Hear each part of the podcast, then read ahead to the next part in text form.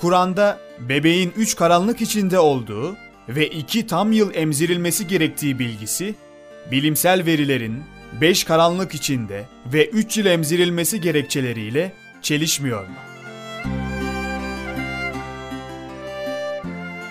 Kur'an-ı Kerim'de bilimle ve bilimsel çalışmayla çelişen veya çatışan hiçbir şey yoktur. Çünkü Kur'an-ı Kerim Allah'ın kelamından geldiği gibi ilimlerin konusu olan kainat ve içindeki bütün varlıklarda Allah'ın kudret sıfatının eseridir. Hem Kur'an-ı Kerim hem de kainat kitabı Allah'ın olduğuna göre niye birisi diğerine ters düşsün veya çatışsın? Kur'an-ı Kerim'i ve Allah'ı kabul etmeyenler kendilerine göre bilimle İslam dininin çatıştığı yönünde gerçekle ilgisi olmayan iddiaları zaman zaman ileri sürüyorlar. Böyle iddiada bulunanların gözlerini dinsizliğin ideolojik karanlığı tamamen bürüdüğü için bilimin çalışma metodunu ve çalışma konusunu da görmüyorlar veya bilmiyorlar ya da kasten görmezlikten geliyorlar. Bilimin bir tarifi her an değişen değer hükümleridir. Demek ki bilimsel veriler, elde edilen yeni değerler ve yeni bilgilerle her an değişebilir. Nitekim bilimsel çalışmaların sonucu olarak anne sütünün çocuğa zararlı olduğu, bunun yerine mamalara ağırlık verilmesi gerektiği yönündeki doktor iddiaları daha düne kadar gündemdeydi. Kur'an-ı Kerim'deki bilgilerin ve hükümlerin o işin uzmanlarınca açıklanması ve yorumlanması gerekir. Çocuğun 2 sene emzirilmesinden maksat 3 sene emzirilmez manasına gelmez. Aksine en az 2 sene emzirme tavsiye edilmiştir.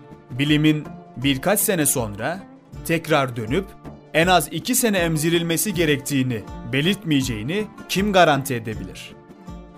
Madem bilimin bildirdiği bu hüküm zamanla değişebilecektir, o zaman Kur'an'ın bildirdiği hükme itiraz edenlerin bu ve benzeri konuları ele alarak İslam dinine saldırmalarını hangi kefeye koyacağız?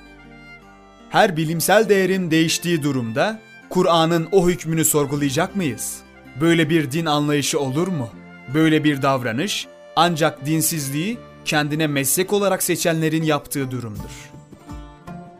Bebeğin Kur'an-ı Kerim'de üç karanlık yerde, bilimin de bunu beş katlı karanlık yerde geliştiğinden bahsettiğinden hareketle güya aklınca Kur'an-ı Kerim'in bilime ters düştüğünü ileri sürüyor. Tam bir inkarcı zihniyet.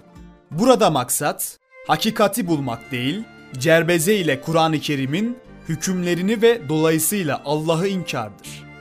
Peki bir süre sonra bilim de bu gelişmeyi yeni bir ölçü getirerek bebeğin geliştiği yeri üç karanlık devreye ayırırsa o zaman ne diyeceksiniz?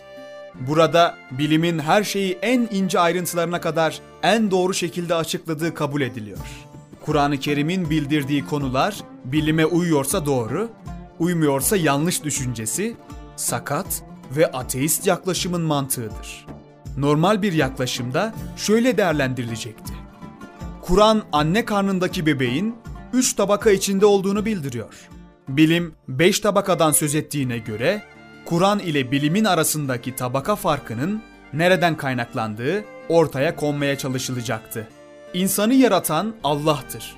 Kur'an-ı Kerim'in anne karnının tabaka sayısını bilmemesi söz konusu olabilir mi?